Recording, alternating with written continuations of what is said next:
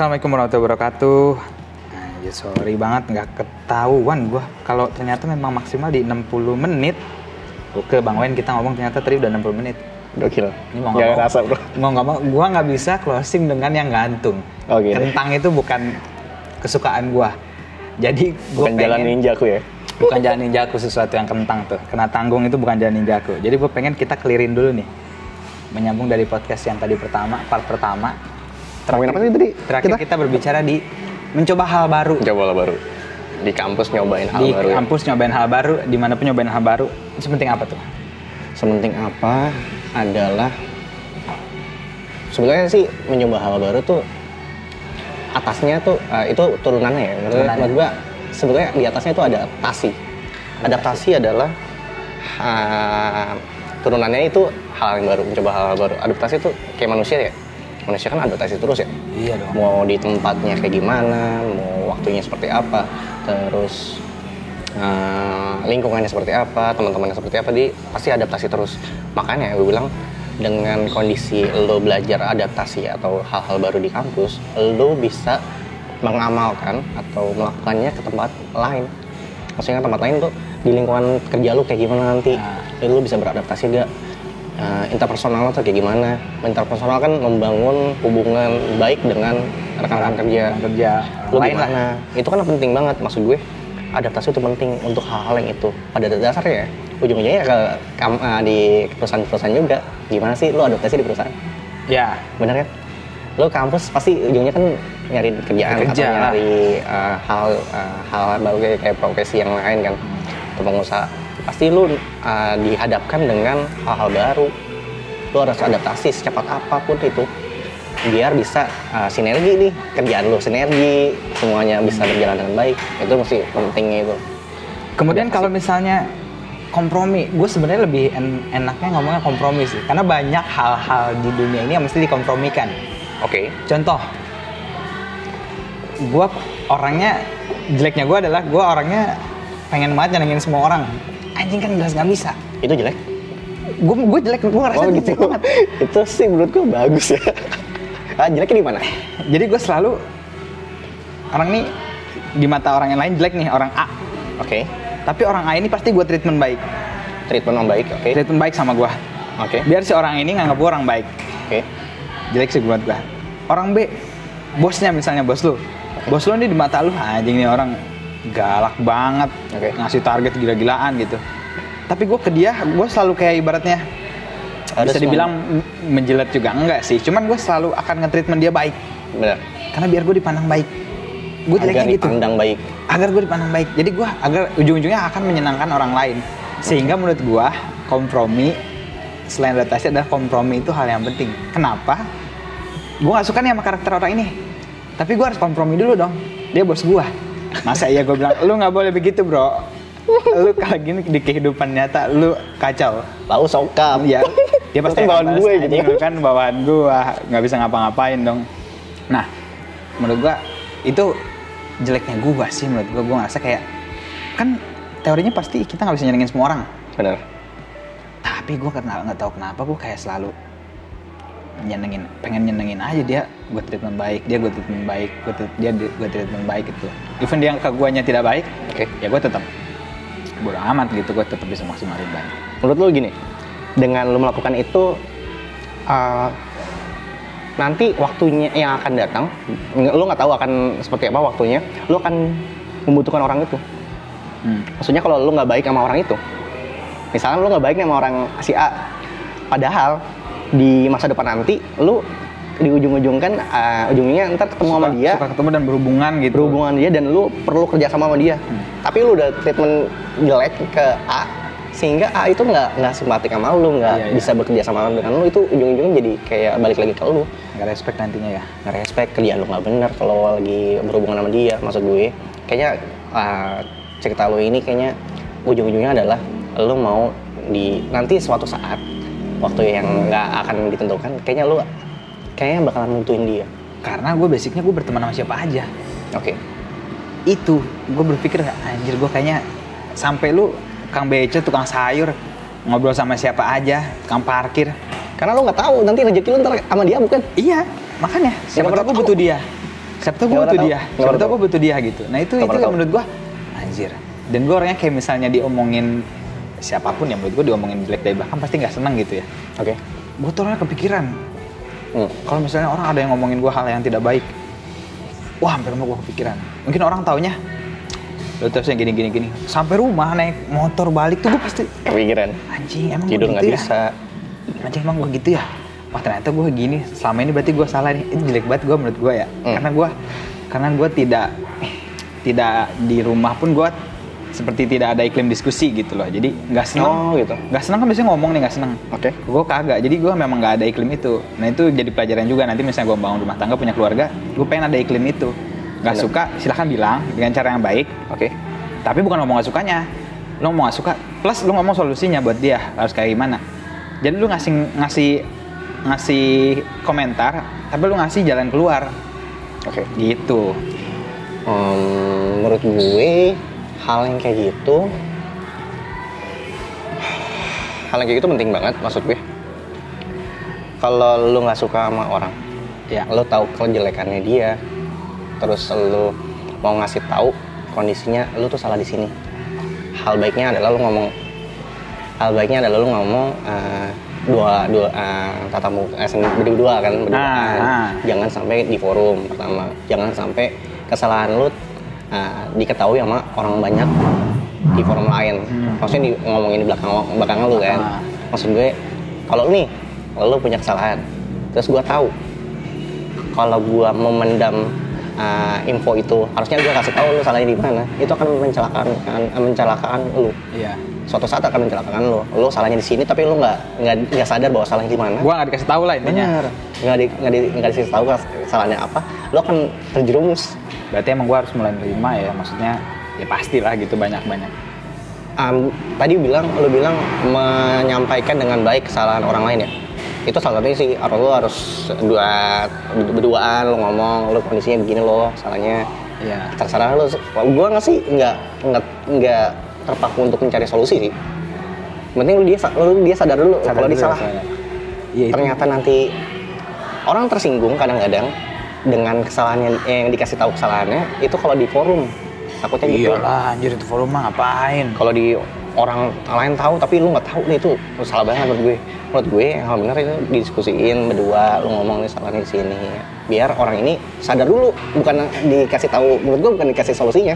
Seorang sadar, sadar dulu. aja ya? Kadang-kadang solusi itu bisa nyaman di orang yang tersebut ya Bukan- siapa tahu solusi dari gua Ya, nggak bisa tepat jadi bisa jadi bisa jadi Ah. tapi menurut gue kadang-kadang lebih nyaman uh, orang itu menemukan uh, masalahnya sendiri masalah sendiri Jalan solusinya keluarnya sendiri, oke. Bener. karena memang orang kan beda-beda ya iyalah cara kerja Caranya. keluarnya siapa tahu beda-beda dengan cara seperti apa Yang penting sih hal yang paling baik adalah mengasih tahu teman lo kalau ada salah dengan baik. Terlepas kalau lo ada solusinya silakan kasih solusi. Tapi kalau nggak ada minimal dia tahu salahnya apa. Gitu. Oke, terus eh, terakhir nih gue pengen nanya, kalau misalnya orang ingin menjadi seperti lu, yang sekarang yang gue tahu adalah sebagai mekanik dan Oke. sebagai seorang skater itu, step-step apa sih yang harus di yang harus dilakukan? Gue jawab dulu yang jadi mekanik ya. Hmm. Mekanik itu berkaitan dengan teknik. Hmm. Mekanik, maksudnya spesifik untuk mekanik mobil ya. Terkait dengan dia teorinya kuat atau enggak. Masalahnya sudah mendapatkan teori, dia harus mencoba. Ya. Kalau nggak mencoba, lu nggak bakal bisa punya pengalaman. Lu Hmm. nggak punya skill. Skill itu diasah kadang-kadang sama eh, apa namanya eh, percobaan-percobaan. Hmm. Kalau lu nggak nyoba, itu lu sama aja jalan tempat udah. Lu tahu teorinya, tapi lu nggak nyobain, lu sama aja jalan tempat. Lu Hmm. cuma tahu doang udah Tahu doang nggak nyobain ya? nggak nyobain. Nah, kesimpulannya sih itu. Lu harus tahu dulu teorinya, lu baru bisa mencoba untuk uh, jadi mekanik gitu kan. Ya, lu udah tahu basicnya nih otomotif seperti apa, lu harus nyoba. Kayak gue nih, ada dasar ya, gue suka uh, ngotak-ngatik Ah, terkait itu mobil, terkait itu uh, motor, itu gue suka banget ngotak-ngatik. Cuma terbatasnya gue adalah kadang-kadang gue nggak punya waktu dan kadang-kadang gue nggak punya tempat hmm. kalau gue suka ngotak-ngatik motor motor gue nih Ah. ngotak-ngatik motor gue tuh suka cuma gue nggak punya tempat pertama itu jadi gue ah gue nggak bisa nih ngotak-ngatik karena menurut gue ngotak-ngatik itu seninya lo bongkar tam lo bongkar lu mas ah, lu analisa masalahnya lu pasang lagi, Pasang lagi. dengan tanpa target waktu Hmm. gue suka ngomong otomotif kadang-kadang itu gue suka bongkar gue suka analisa terus gue pasang lagi dengan baik dengan hasil yang baik tapi dengan tidak terbataskan waktu kadang kalau di kantor Kantor kan pasti ada batas waktunya kan, target waktunya waktunya. dong. Makanya gue nggak kadang-kadang gue lebih suka bagian otomotif di bagian yang itu tidak terikat waktu. Karena gue kepengen banget kalau punya rumah nanti ya. Nih insya Allah nih punya rumah nih gue. insya Allah punya rumah, gue pengen banget punya garasi yang agak gede sehingga gue bisa ngotak-ngatik motor gue. Kalaupun ada mobil nanti, insya Allah bisa ngotak-ngatik mobil gue sendiri. tidak ada waktu intinya. tidak dibatasi waktu, tidak dibatasi target. Lo harus selesai jam segini, jam segini nggak ada waktu. Nikmatnya ngotak-ngatik itu seperti itu. Kayak misalkan lu bikin, gua hobi gua kadang-kadang suka nggak ny- nggak nyadar income ya. Ah, iya, iya. hobi gua ada juga yang uh, uh, gua koleksi Gundam, Gunpla Hmm. Gitu. Gua ada tiga di sana di rumah gua sekarang. Gunpla itu dia merakit dari yang komponen-komponen yang kecil-kecil sehingga menjadi Gundam uh, robot-robotan yang itulah yang sudah jadi. Itu butuh sehari. Kalau gue sih dua hari sampai tiga harian. Itu nikmatnya enak banget. Nikmat banget gue ngelakuin itu karena memang kayaknya gue suka banget ngerakit ngerakit kecil-kecil komponen-komponen kecil hingga Walaupun nggak sehari beres gitu ya. nggak sehari beres. Itu enak banget maksud gue. Nggak targetan. Ah, Gue ada waktu luang. Ah. Nah itu waktu luang. Sekarang gue luang. kayaknya sekarang agak sulit agak sulit. ada keluarga, ada anak, sama gue nyempatin diri untuk melakukan hal yang kayak gitu. Itu mekanik ya, Kemudian jadi sketcher, sketcher. Bukan perihal bakat, bukan perihal bakat. bukan perihal bakat mensketsa atau menggambar uh, sesuatu itu bukan perihal bakat, tapi latihan. Tapi latihan. Temen gue ini, uh, terus sorry temen gue, temen gue sekarang jadi arsitek, ya profesional juga. Dia tidak bisa gambar, dia tidak uh, suka gambar, cuma dia bisa latihan karena tuntutan kerjaan. Ya, Kebetulan dia langsung uh, jadi kontraktor gitu, dia uh, memenuhi tanggung jawabnya untuk menggambar. Akhirnya jatuhlah dia uh, untuk berusaha selalu uh, menggambar-gambar hal baru. Pertama nyoba dulu, walaupun dia kadang nggak suka. Tapi nyoba dulu, nyoba dulu. Akhirnya sekarang profesional. Dia bisa gambar uh, model-model gedung dengan baik. Karena memang basicnya dia uh, bukan basicnya. Sekarang profesinya arsitektur dia menuntut uh, dia dituntut kerjaannya memang harus bisa menggambar, dan desain desain kayak gitu. Maksud gue gambar itu bukan uh, bakat, kemauan kemauan dan latihan. sama latihan. Benar. Oke. Itu doang dua penting itu yang lu buat Jadi jadi apa pun intinya jadi apa aja terserah lu gitu kan. Oh serah lu. Lu kadang-kadang gue bilang, kayaknya gue bisa jadi apa aja deh. Iya. gue pengen kayak gitu. Kayaknya gue bisa jadi ini, gue bisa jadi itu gitu kan. Cuma masalahnya adalah, lu mau, pertama lu sadar dulu lu mau, Mau. lu coba. Coba Kalau lu nggak nyoba ya udah nggak bakal bisa. nyoba nggak akan bisa ya. Nggak akan bisa. Lu pertama harus nyoba dulu. Sama tanggung jawab pastinya. Tanggung jawab. Sama pilihan lu. Benar, benar, benar, benar. Gitu, Itu paling ya. gitu. Oke. Itu mungkin ya closingnya yang tadi sempat tertinggal. Sebenarnya mau gue masukin di part pertama tapi gila 60 menit tadi. Apa kita ngobrol lagi satu jam lagi? gila kali. Gila 60 menit tadi yang part pertama. Sorry banget jadi lama banget. Tapi intinya ya gue pengen uh, share ke, ke siapa pun yang mendengarkan ya jadi apa pun asal bertanggung jawab. benar, Kemudian proses benar, benar. ya instan boleh di hal-hal tertentu tapi untuk di pilihan pekerjaan pilihan kesenangan pilihan passion pasti harus ada proses yang namanya. Menurut gue instan itu lahir dari teknologi. Lahir kenapa dari lu bisa jadi kenapa lu bisa jadi uh, cepat dapatkan hasil? Karena kadang-kadang lu pikir eh gue pikir itu lahir dari teknologi yang sekarang uh, sudah ada. Sudah ada. Sekarang teknologi uh, membuat kita agak cepat. Agak cepat kayak kondisinya kayak di mobil uh, yang gua eh, dunia otomotif yang gua jalanin ini dari awalnya konvensional sekarang ada yang elektrik elektrik itu membuat kita menjadi cepat banget kerjanya. Terus aplikasi sekarang banyak banget Iya, yang mendukung kita. Gua sangat terkejut. Gua nggak suka coding. Ya ya, Gua ya. bukan nggak suka coding gue bisa. Waktu itu pernah belajar gue bisa. Cuma gue nggak terlalu suka karena ribet banget nggak lihat kode-kodenya. kode-kode gitu kan? Aduh ribet banget. Cuma ada aplikasi di mana lo bisa buat program kecil, nggak nggak terlalu impactful. Cuma lo bisa bikin program tanpa harus masukin coding. Lo tau nggak? gila ada nggak aplikasi perlu nggak perlu nggak masukin coding coding. Invent inventory apa gitu. Ah. Maksudnya ada aplikasi gitu, inventory. Lo bisa bikin sistem kecil lo nggak perlu coding lo cuma apply apply masuk masuk masukin kode-kode puzzle puzzle gitu Dan berarti instan pun belajar, instan pun uh, lahir dari proses. Dari proses. Dari proses kan yang pastinya. sebenarnya nah, teknologi yang yang bukan lo yang nikma ah, ya, lo ciptakan. Iya, teknologi itu bukan lo teknologi. ciptakan.